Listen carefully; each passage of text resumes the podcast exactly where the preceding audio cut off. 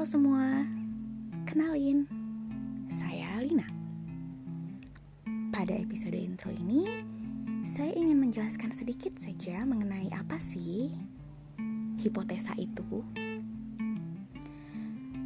Hipotesa pada awalnya dibuat sebagai wadah refleksi untuk diri sendiri.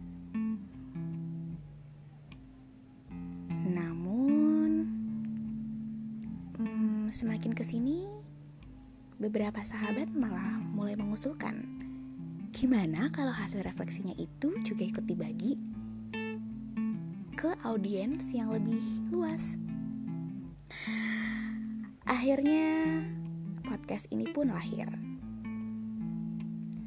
Sumber refleksi pada hipotesa sendiri sebenarnya bisa dari berbagai macam, mulai dari obrolan, pengalaman, buku atau naskah yang baru selesai dan sedang dibaca, film-film, hingga berita dan kondisi sekitar yang agaknya menggelitik untuk dikaji hingga dapat dipetik manfaatnya.